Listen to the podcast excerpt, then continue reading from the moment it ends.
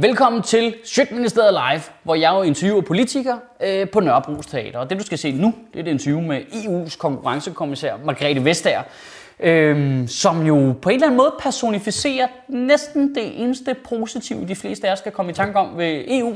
Netop at EU er gået i gang med at bekrige de her multinationale selskaber, der ikke betaler skat. Og det er det, det handler om. Så tag den store EU-hat på. Det, det kommer kun til at handle om EU nu. Øh, og basically er det egentlig bare mig, der øh, inviterede en af verdens mest magtfulde personer ind for at spørge om ting, som jeg kunne have googlet mig til. Det er egentlig det, der er interviewet. Øh, så skal jeg lige huske at sige, at undervejs, der går der en alarm øh, på teateret. Øh, lige i to sekunder. Øh, det er bare, hvis man ikke kan høre det på optagelsen, når vi lige pludselig sidder øh, og opfører os mærkeligt, fordi der gik en alarm. Det vil jeg bare lige sige. Og så skal du huske, at grunden til, at du kan se det her interview, er, fordi der er nogle fucking seje mennesker, der har været inde på tier.dk og oprettet et donationsabonnement, hvor man betaler et lille beløb, man selv bestemmer hver måned til Sjøtministeriet. Og for de penge, der kan vi blandt andet producere de her interviews. Øh, og du er altid velkommen til vores live arrangementer på Nørrebro Teater, hvis du går ind på nbt.dk så kan du se, hvornår der er forestillinger næste gang. Øh, her i foråret, der får vi blandt andet besøg af Morten Messerschmidt. Vi har måske, måske, måske en udenrigsminister på vej, og så ser det ud til, at vi også får Lars Lykke på besøg. Men øh, nyd interviewet.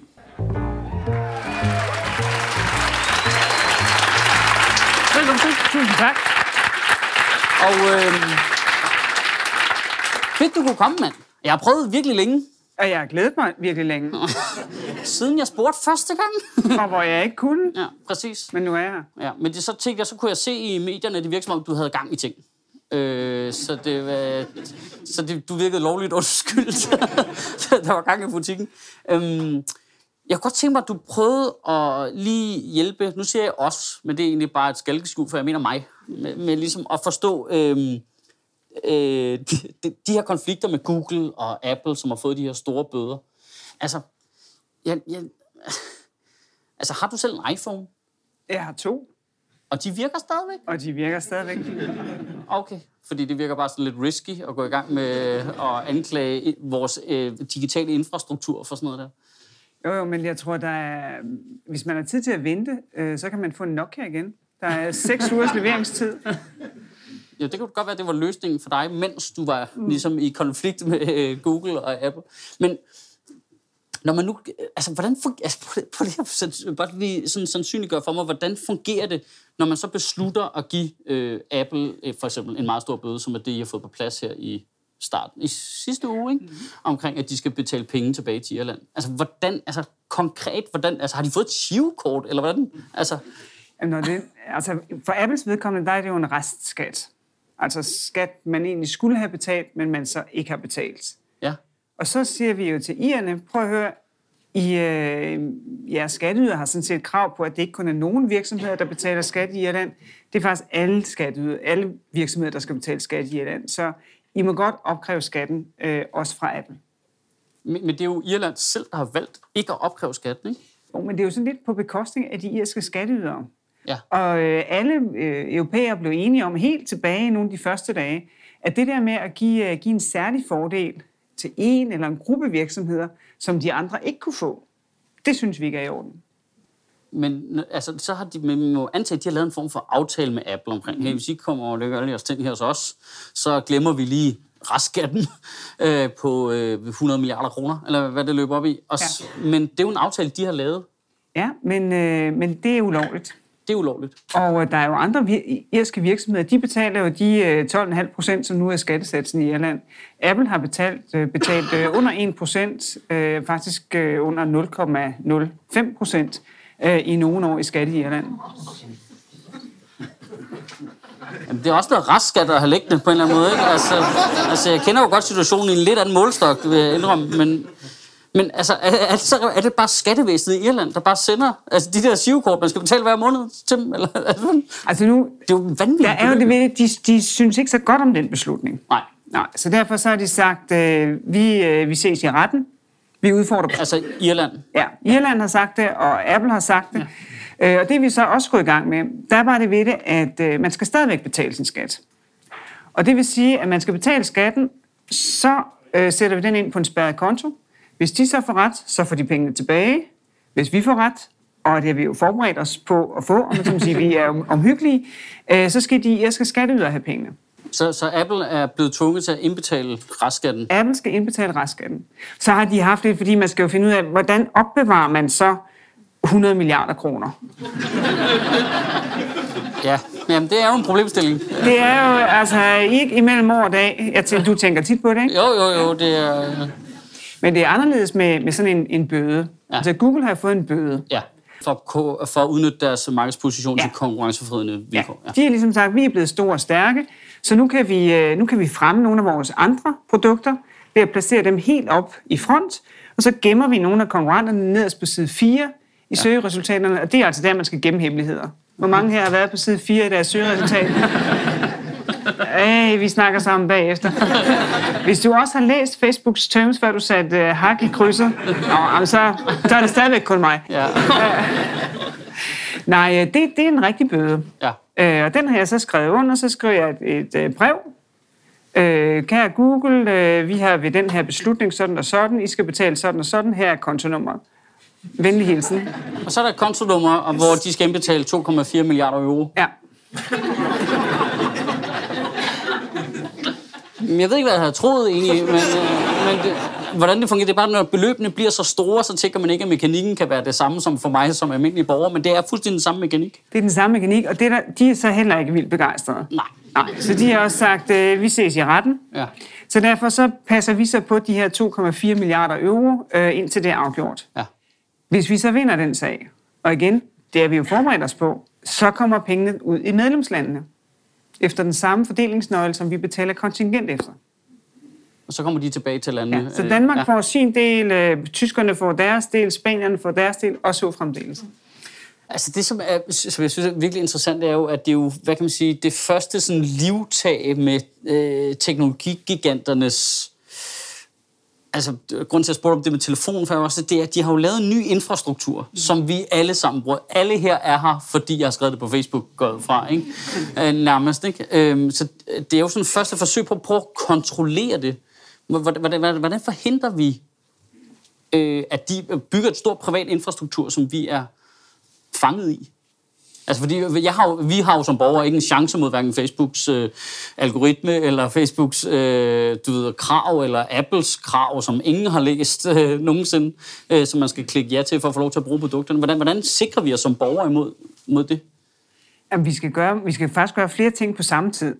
Altså, jeg skal passe mit arbejde som det ene, men, øh, men vi skal også have nye generelle regler. Her, øh, når vi når til 1. maj, så bliver vi alle sammen, så får vi stærkere rettigheder så kan vi bedre passe på vores egen data. Vi kan blive glemt, hvis vi gerne vil det. Øh, vi har stærkere rettigheder til det, vi selv ejer. Og derfor så, så håber sådan en som jeg jo, at der er nogen, der vil sige, okay, så vil jeg gerne præsentere øh, en browser, en søgemaskine, andre services, som ligesom tager udgangspunkt i, at nogen måske bare godt kunne tænke sig at være lidt private, og ikke kunne tænke sig at dele alt muligt med alle dem, der sidder og leder efter vores spor, uanset hvad vi laver derude. Nej, fordi de der spor er der jo hele tiden. Man kan jo ikke, altså, man kan jo ikke slå cookies fra, jo. Øh, men, altså. men cookies er det mindste af det, fordi cookies vil typisk bare hjælpe dem med at, at lede dig rundt på siden. Det, jeg, synes, der, det, jeg selv synes, der er irriterende, det er, at øh, hvis du læser en artikel øh, et eller andet sted i Economist eller sådan noget, så, så ligger der så et lille spor efter dig som øh, 20, 30, 40 virksomheder samler sammen, fordi så kan de, det er jo et helt uskyldigt lille spor. Ja, ja. Der er jo ikke noget hemmeligt ved det i den forstand. Men hvis nu man har tusind af de spor, så ved man faktisk virkelig meget om dig. Ja. Øh, og derfor så, så kigger jeg efter, hvad sker der derude? Hvad er der nye ting? Øh, og jeg har lige fundet en browser, som kan fortælle mig, hvor mange gange nogen har forsøgt at, at trække et lille spor, men som de så har blokeret. Ja. Det synes jeg er cool. Øh, fordi, og det er ikke fordi, jeg har noget imod, at nogen ved, at jeg læser en artikel i Economist, men fordi jeg bare synes, at øh, det ikke kommer nogen ved. Jamen, problemet er jo med det der big data, er jo, at de jo kan bruge det til at kontrollere os. Altså sådan, jeg tror, alle har prøvet det der med at købe en flybillet, og så, øh, du ved, tredje gang man er kigger på den samme flybillet, sådan på mistænkeligvis sted i pris, øh, og så får man altid sådan, åh, jamen, hellere skynde mig at købe den, det kan være, der ikke er flere pladser tilbage på flyet jo. Øh, men det er jo, fordi computeren ved, at man har været derinde hele tiden. Men altså, nu er vi så opmærksom på det her nu. Og så kan man begynde som politiker, og vi som borgere kan være opmærksom på det. Men vi har jo ikke en chance mod, altså for eksempel Facebooks udviklingsafdeling, de kan jo finde på ting, vi ikke kan finde på. i samlet flok. Altså, så, Jo, men, men noget af det er jo også fedt. Altså Facebook Nå, som ja, ja, sådan ja. er jo fedt nok. Det er jo super, at vi kan, kan bruge øh, alle de her data til at øh, forhindre sygdomme, finde behandlingsmetoder til sjældne sygdomme, øh, få, øh, få trafikkøer til at forsvinde. Altså, man kan alt muligt nærmest magisk med, med big data. Men man skal jo bare også kunne værve for sig. Øh, og noget af det kan vi gøre, noget af det kan, kan nogle andre gøre, øh, sådan at vi som, øh, som brugere får, får mere magt over, hvad det er, som foregår. Øhm, når man sådan ser øh, mediehistorien omkring alt det her med Apple og Google og øh, EU's konflikt der, så får man sådan et indtryk af, at det er jo dig, ene person, øh, som øh, jury og dommer og bødel og sådan en rigtig kedelig Judge Dredd-agtig type, som bare lægger loven ned. men men øh, prøv, lige, at- prøv lige at hjælpe os med at forstå, hvordan fungerer det i praksis? Fordi det er jo selvfølgelig ikke kun dig. I, i praksis Altså, så altså hvor, starter, hvor starter ideen henne altså, i processen med, at man siger, okay, nu skal vi have kigget på Irland, Apples skattefidus der. Hvor starter den henne i EU-systemet? Altså, det er jo ikke nyt, at det her finder sted. Nej, det, der, præcis. det, der er det nye, det er, at der er offentlighed om det. At det ikke længere er en hemmelighed. Faktisk en dyb hemmelighed. Og Apple-sagen, den startede faktisk i USA, fordi man, øh, jeg tror det var i det amerikanske senat, begyndte at spørge Apple, hvad, hvor betaler I egentlig jeres skat? Øh, hvordan er I egentlig organiseret?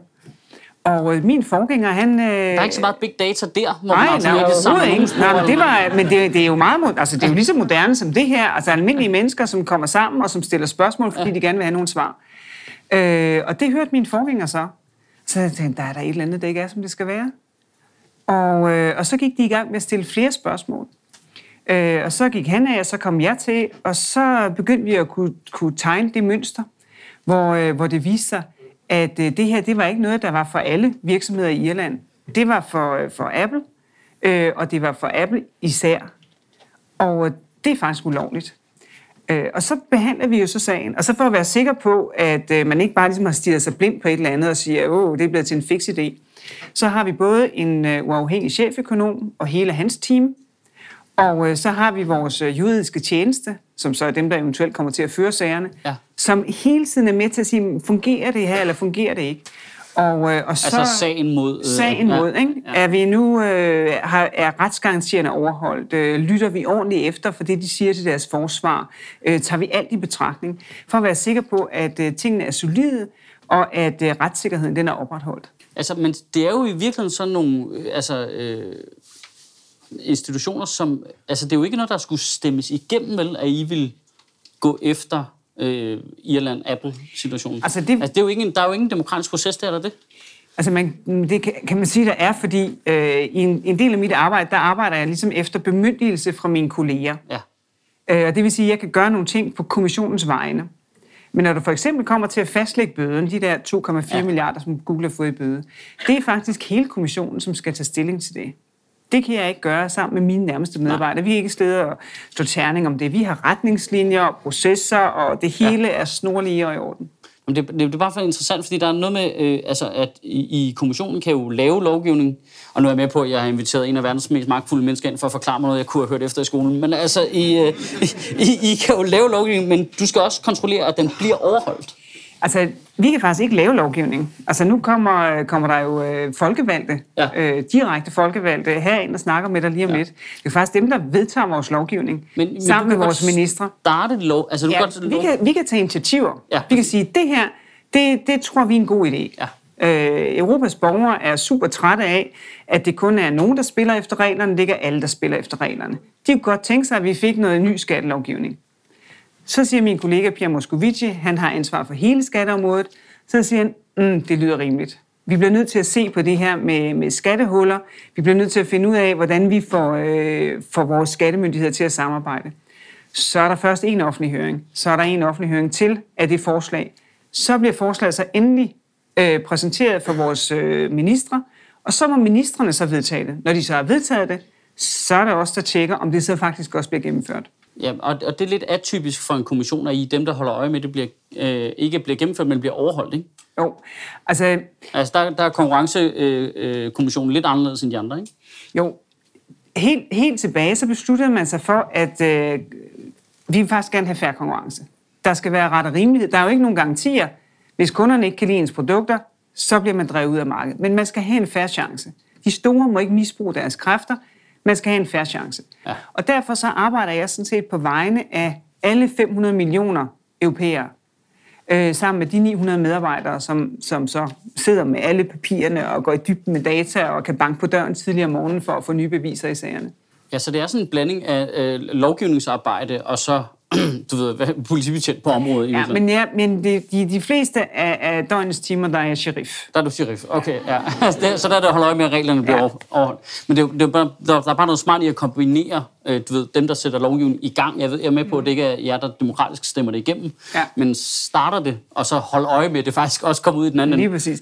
Men jeg har faktisk også jeg har et lovforslag, øh, som, som vi har lavet efter meget møje og besvær og omhyggelig dataindsamling, for at give flere kræfter til de nationale konkurrencemyndigheder. Fordi øh, det er jo meget fedt, at der er nogen med nogle muskler øh, herhjemme, og i Bulgarien, og i Spanien, og i Tyskland, som holder øje med, hvad foregår der på det nationale marked. Det er jo ikke alting, der er europæisk. Nej.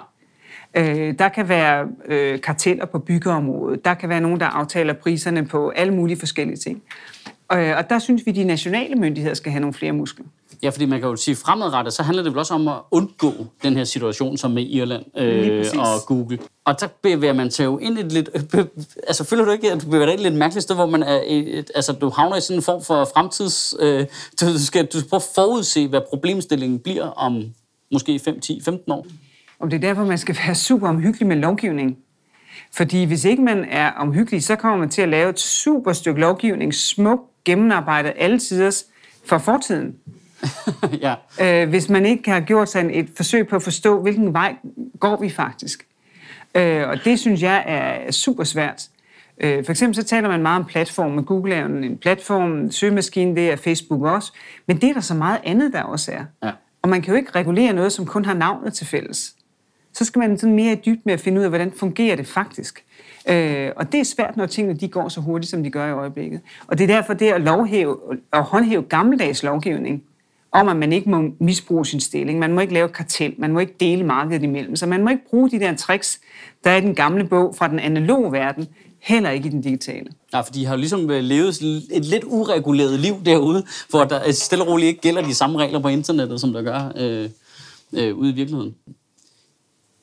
Tror du, at noget af det, der gør, at man opfatter EU som udemokratisk, er, at bare den lille snak, vi har haft nu, øh, altså, kommer til at føles vildt langt væk for os alle sammen ret hurtigt. Jeg ved godt, du sidder lige her, men det, det, det, det føles meget langt væk. Altså, øh, og, og det, det, altså, det er jo en demo, altså, noget af det uigennemskuelige er den demokratiske proces. Så selve det, at det er demokratisk, gør det uigennemskueligt, men det gør det samtidig mindre demokratisk, fordi vi ikke kan gennemskue det. Altså den der proces med, at I kan starte lovgivning, og du kan håndhæve den, men nogle af de andre kommissioner gør noget andet, og så skal det igennem ministerrådet, og så skal det ned i parlamentet. Øh, altså, jeg er tvivl om, jeg kan gengive det øh, om 10 minutter. altså, jeg tror, der er mange har... Altså, det føles langt væk. Men gælder det samme ikke med Folketinget? Ja, altså, hvad, hvad laver de helt præcist? øh, og hvem, hvem gør hvad af ministerne? Men der tænker vi jo bare, jamen, øh, det fungerer nok. ja, det er da ved tip, vil jeg sige.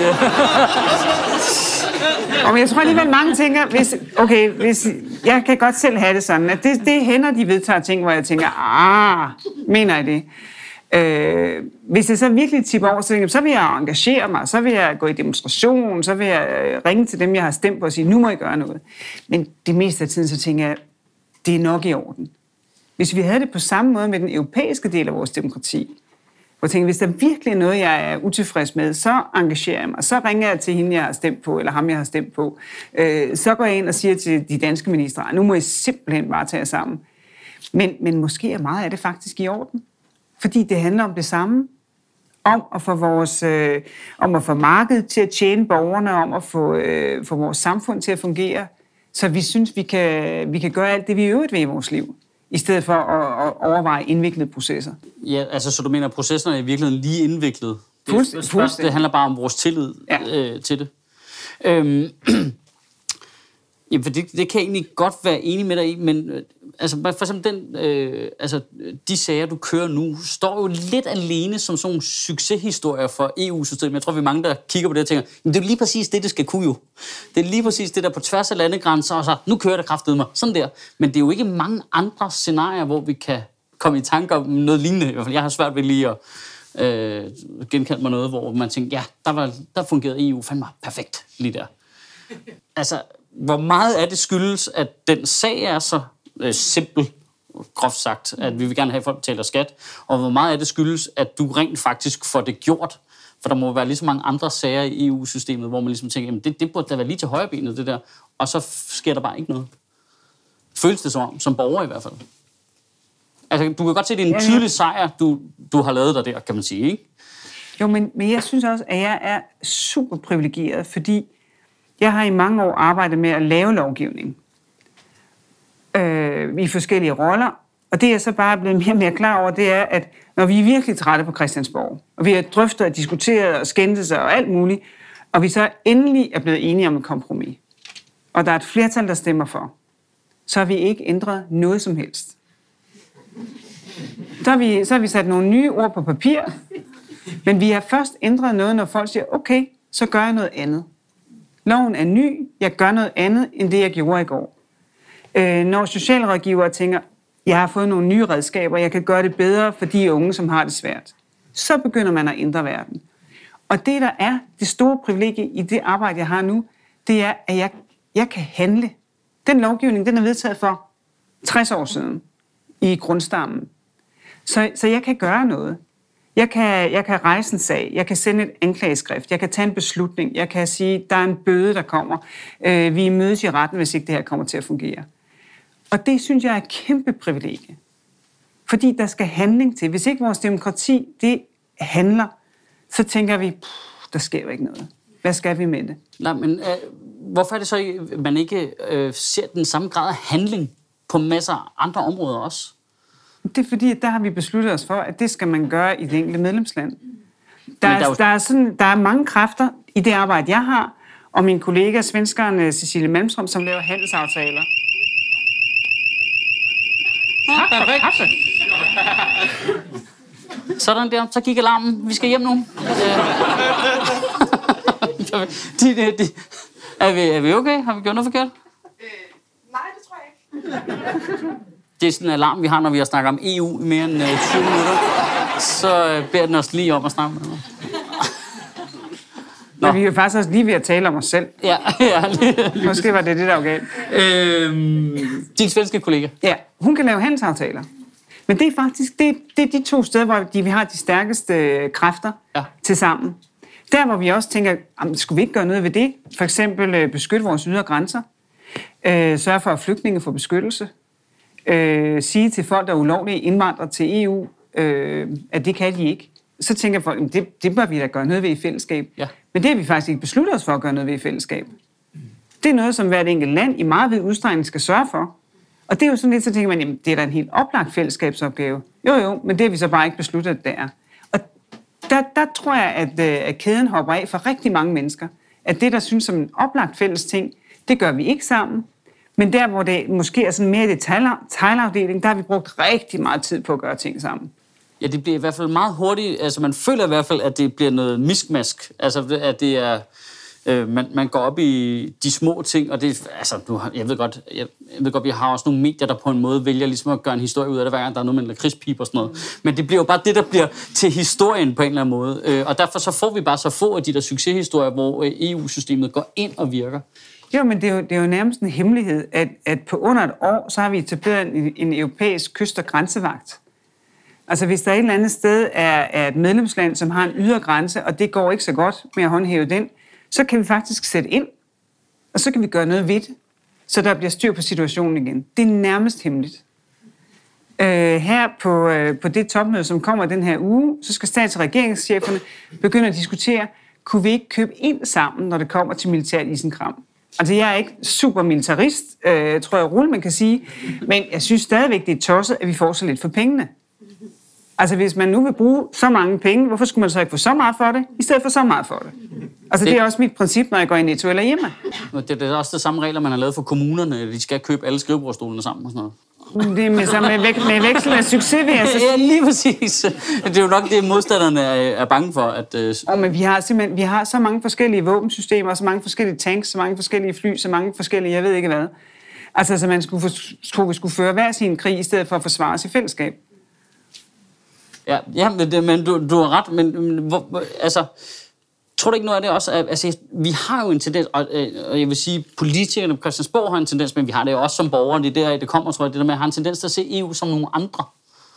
Altså, vi formulerer det også som EU som noget andet. Mm. Det, det er nogle andre end os. Vi, det er ikke vi. Det er dem. Dem dernede har lavet noget. Så kom du, så er det sådan lidt med, det er ligesom landsholdet. Nu går det meget godt. Jo, jo, så er det, så, så, er vi, jo, jo, jo, nu er det vi igen lidt. Øh, al- altså, tror du ikke meget af det i sådan identiteten også øh, omkring EU? Jo, men derfor forsøger jeg også sådan relativt konsekvent at tale om vores europæiske demokrati, i stedet for at tale om EU. Fordi EU, det er bare forkortelsen for de andre. Ja, jamen, det er det nemlig præcis. Øh, og det, jeg synes er genialt, det er, at i takt med, at vores problemer er blevet større, så har vi også gjort vores demokrati større. Så vi har et, et lokalt og regionalt demokrati og et nationalt, men vi har også et europæisk demokrati, som har kræfter til at gøre noget ved problemer, der har europæisk størrelse, eller nogle gange endda global størrelse, når vi gør noget sammen med andre, det lykkes med for eksempel øh, klimaaftalen. Det, det skal da matche. Altså jeg har for eksempel øh, kolleger over hele verden, øh, som laver det samme, som jeg gør. Og øh, vi har ikke nogen global konkurrencelov, men vi har et globalt netværk af os, der håndhæver konkurrencelov. Sådan at i takt med, at virksomheden bliver større, jamen, så samarbejder sherifferne også mere. Ja. Men, øh, og nu kommer million kroner spørgsmålet, eller øh, 100 millioner kroner spørgsmålet. Øh, altså, hvordan når vi derhen, tror du, i vores egen forståelse af EU, hvor vi kan se den øh, tydelige funktion, dit job har nu, og så ligesom øh, putte de andre elementer på, som er grænseoverskridende, som vi ikke kan stå med alene. Altså, Danmark kan jo ikke forsvare EU's grænser alene. Hvordan når vi derhen, tror du, i vores opfattelse, at vi ligesom vælger at sige, okay, men alle de fælles ting, dem laver vi sammen? Altså, hvordan, hvordan tror du, vi er oppe i vores hoved, når derhen? Fordi der, det, lige nu kan man jo ikke, altså, der er jo ikke, vi er jo tættere på at komme ud end ind, vil jeg da sige. Nej, faktisk ikke. Øh, jeg tror måske, det har haft sådan en lidt... Øh, mm, det givet lidt eftertanke. Både at Trump er blevet valgt som præsident, og at britterne var meldt sig ud. Ja, det var heldigt, det skete det først. Så er der mange europæere, som har set på deres europæiske demokrati og sagt, ah, ikke så ringe endda. ikke så ringe endda. Måske er det faktisk, øh, måske er det faktisk okay. Så i alle lande, der er folk blevet mere positive over for det at have et europæisk demokrati. Faktisk i mange lande mere positive end både deres regeringer øh, og dem, de har valgt til parlamentet. Og jeg tror, det er, det er det, der er en del af, af koden. Det er også, at dem, vi vælger til vores øh, folketing og til parlamenterne rundt omkring, skal tage det til sig. Øh, og, og, og tale om den politik, vi laver sammen, på samme måde som den politik, vi laver i hvert medlemsland. I stedet for at sige, jamen, alt det dårlige, det har EU bestemt, alt det gode, det har jeg fundet på. Jamen, det er jo lidt sådan, man hører det, Det ikke? er lidt det, der er modellen, ikke? I stedet for at sige, jeg har sammen med de andre i vores europæiske demokrati fundet på det her gode. Noget af det, det har jeg ikke selv fundet på. Det synes jeg godt, vi kan leve med. Ja. Men det er, det er på en eller anden måde meget sigende, at øh, hele tanken omkring EU øh, bliver til i en tid, hvor det går helvede til for verden. Så går det så godt, at vi bliver lidt irriteret på EU, og så skal det lige gå rigtig dårligt med verden, før vi ligesom accepterer, okay, øh, det, det, det, det er det mindst onde, vi kan have på en eller anden måde. Jamen, det er jo lidt det, ikke? Altså, Jo, jo, men kommer det- Trump og ødelægger hele verden, så er man så lidt, ej, ej, så er det okay. Så kan vi godt holde lidt sammen alligevel. Ja, det, det, er jo, det er jo det, der er essensen i det. Men det er måske også fordi, at, at øh, den måde, vi samarbejder på, det er ikke en kopi af et eller andet.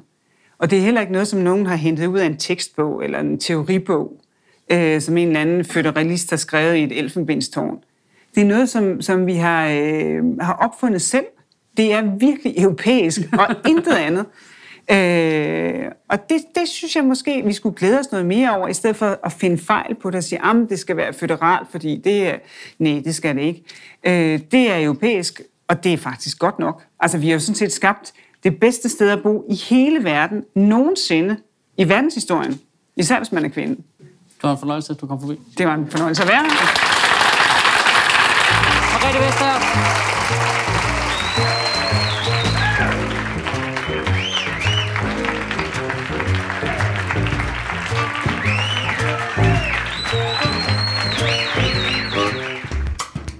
Sjøtministeriet lever af dine donationer. På tier.dk kan du oprette et donationsabonnement, hvor du giver lige præcis det beløb, du har lyst til. Og så kan vi lave flere interviews på Nørrebro Teater, flere taler, sende Sofie Flygt mere på gaden. Og hvis ikke du gør det, så er du en vegan shows.